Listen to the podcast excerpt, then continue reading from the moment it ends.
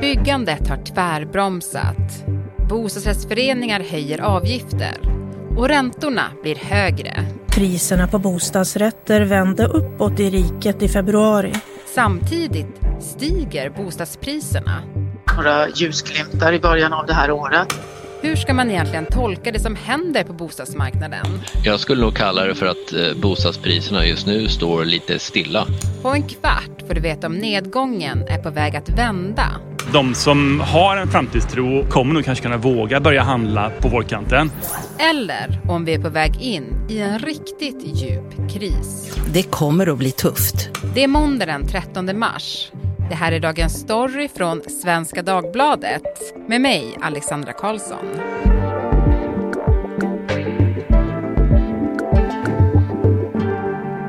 Johan Hellekant, reporter på SvD Näringsliv som skriver om bostadsfrågor. Hallå! Hej, tjena! Du, hur bor du Johan? Ja, nej, men jag bor faktiskt i bostadsrätt och jag har bott i samma gamla bostadsrätt i snart 25 år.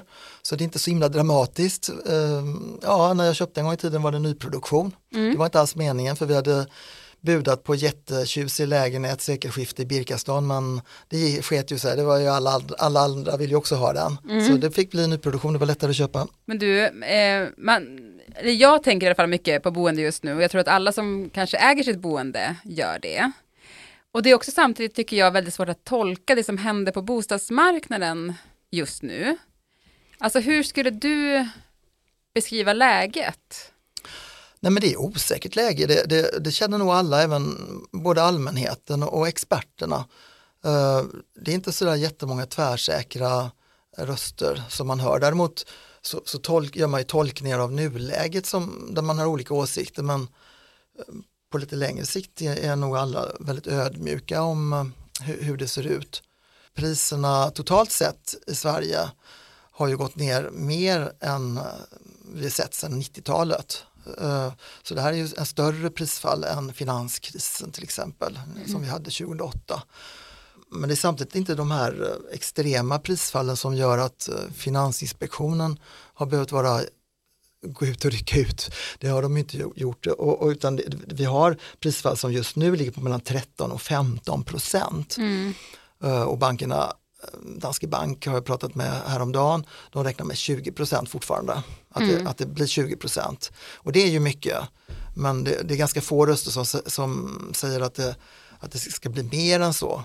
Men samtidigt så kommer det nyheter om att så här, bostadspriserna ökar. Ja, precis. Vi har en successiv utveckling där, där, eh, där hushållen börjar känna att, vi har, att vi har mindre pengar i plånböckerna, boendekostnaderna ökar. Men det finns en eftersläpning i det. Eh, till exempel bostadsrättsavgifterna har inte hunnit gå upp så mycket och många andra avgifter släpar efter. Mm. Men det är på gång högre avgifter. Räntorna ska höjas ytterligare.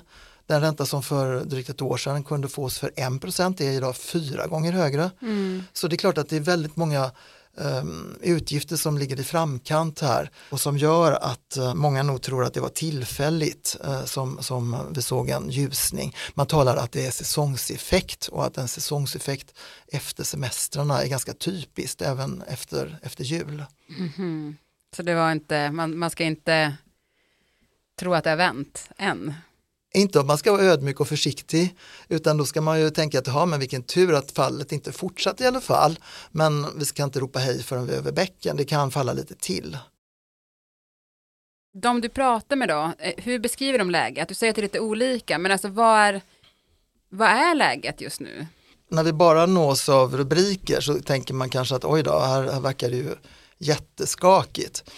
Men så ska man ju samtidigt komma ihåg att det är jättemånga bostadsaffärer som rullar på det, det, när man räknar volymen genomförda affärer så, så är det mellan 80 och 75 procent som rullar på jämfört med fjolåret.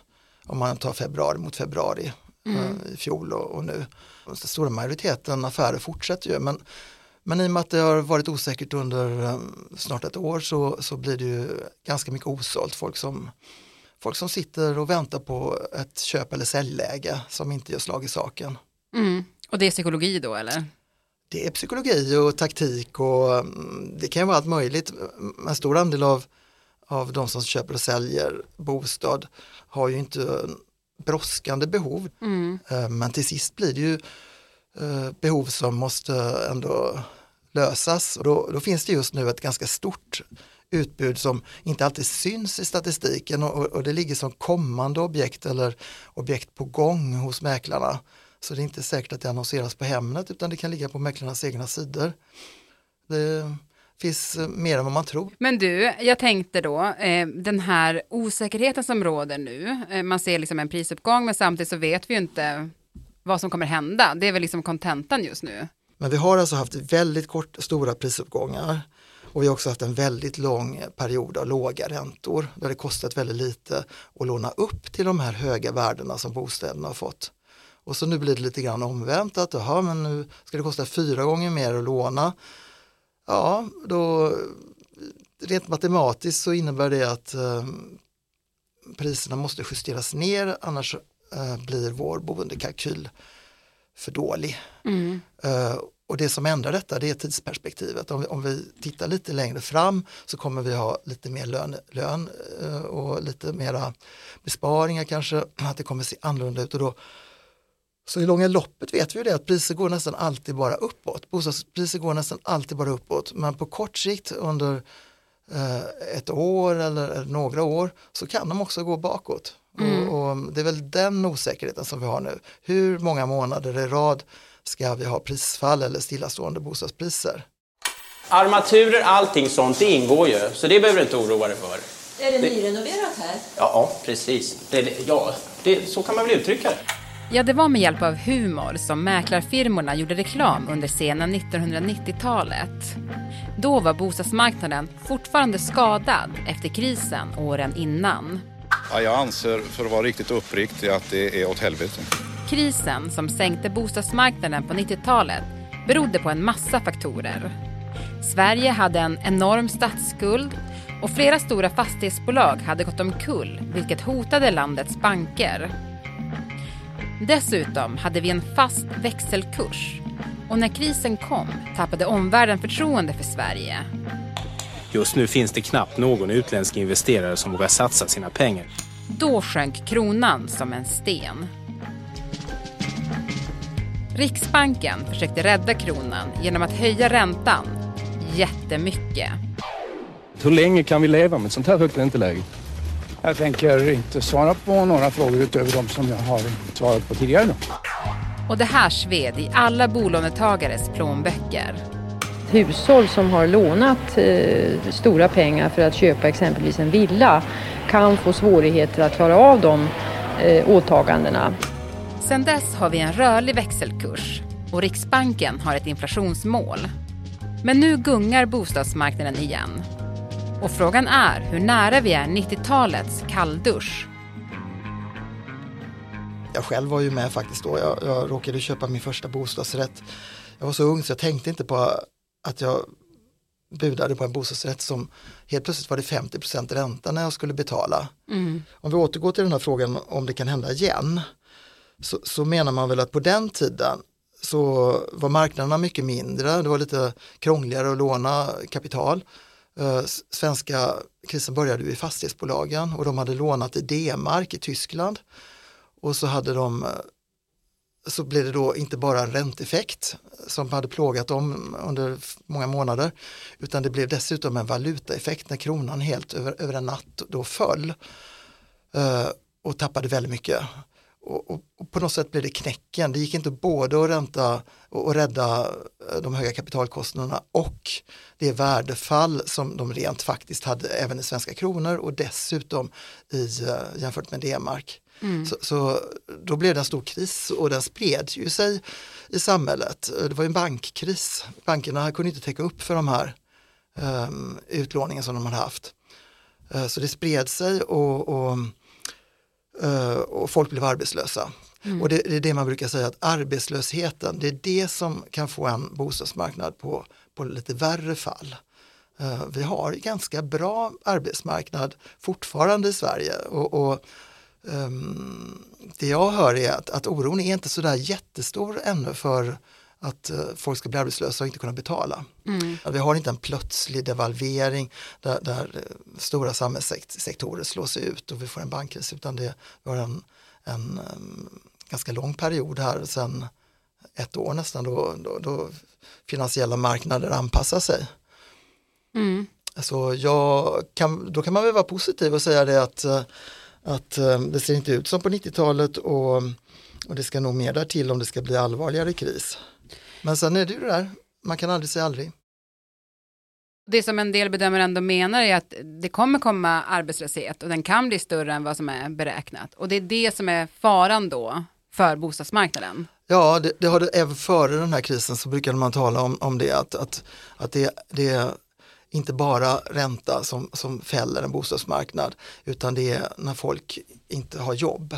Och i lågkonjunktur så kan det bli så. Um, men eh, Danske Banks chefsekonom eh, Micke Gran sa till mig att eh, han var inte så bekymrad över just den biten. Utan det, det, det, är mer en allmän stress på att plånböckerna blir tunnare. Det är det man ser och, och, och prisfallet svarar mot, mot dels den psykologin och, och, att folk har mindre pengar att röra sig med. Mm. Men han var inte orolig för någon bostadskrasch? Jag har faktiskt inte hört eh, någon säga det av, av de här tunga ekonomerna. De, de, brukar värja sig för, för det och de brukar poängtera att det var en väldigt annan tid. Men du, även efter 90-talskrisen så har det ju funnits tillfällen där man ändå trott att bostadsmarknaden ska kunna falla. Jo, men den har också fallit vid några tillfällen, men, men det har varit eh, hack i, små, mindre hack i kurvorna, inte alls så stora som nu. Det var till exempel IT-kraschen strax efter millennieskiftet och sen hade vi finanskrisen, Lehman-kraschen 2008. Mm. SE-banken hade 7 i ränta ett tag. Men då sänkte man räntorna väldigt fort. Och så gled vi in i den här lågränteperioden och där var det ett par hack i kurvan. Vi hade Grexit, eh, jag tror det var 2012, den här eurokrisen mm. kanske den ska kallas. Och sen hade vi amorteringskravet, att vi måste betala tillbaka våra pengar. Vi behövde inte det i Sverige. Nej. Ja, 2018 skulle det betalas tillbaka med råge, så, mm. så då fick vi också ett litet prisfall. Men uh, något sånt här prisfall som vi har här nu 2022, det, det har vi inte sett sedan uh, 90-talskrisen. Mm. Men då känns det ju allvarligt. Ja, man jämför ju med 90-talskrisen, men man säger att det inte är, det är inte riktigt så illa. Mm. Ja, det är ju skönt i alla fall att den inte är större. Nej, det får vi verkligen hoppas. Men om man då tänker, om vi nu ser då det här hacket i kurvan som, som eh, blir nu, du säger att det är det högsta då sedan 90-talskrisen. Vad tror man kommer hända framåt? Det, det, finns ju de här uh, mjuklandningsprognoserna då, det är 20% prisfall totalt. Sen har vi haft någon ekonom, jag tror Tor Borg, uh, han gick ut och sa att det kunde bli upp till 27 procent. Han, han la på, men annars ligger ju bankerna på kring 20 procent. Det är väl också den nivån som Finansinspektionen har, har skissat på att det här 20 procent kan vi hantera i Sverige. Det är väl liksom över 20 procent, det kan börja knaka vid något tillfälle. Om, man, om en tredjedel av värdet sopas bort så är det klart att det är ju inte roligt. Men mm. varför skulle det göra det? Mm. Man, man behöver ju inte, eh, det finns alltid ehm, eh, perspektiv som, som är farofyllda men, men just nu ser det ut som att vi har eh, bara 13 till 15 procent prisfall generellt i hela Sverige, alla bostadstyper sammantagna hittills. Och bankerna tror på 57 procent ytterligare då. Mm, stannar det på, på den nivån så det, verkar det ju ganska hanterbart. Mm. De flesta har ju inte köpt under pandemin och, utan har köpt till motsvarande priser för tidigare år. Mm.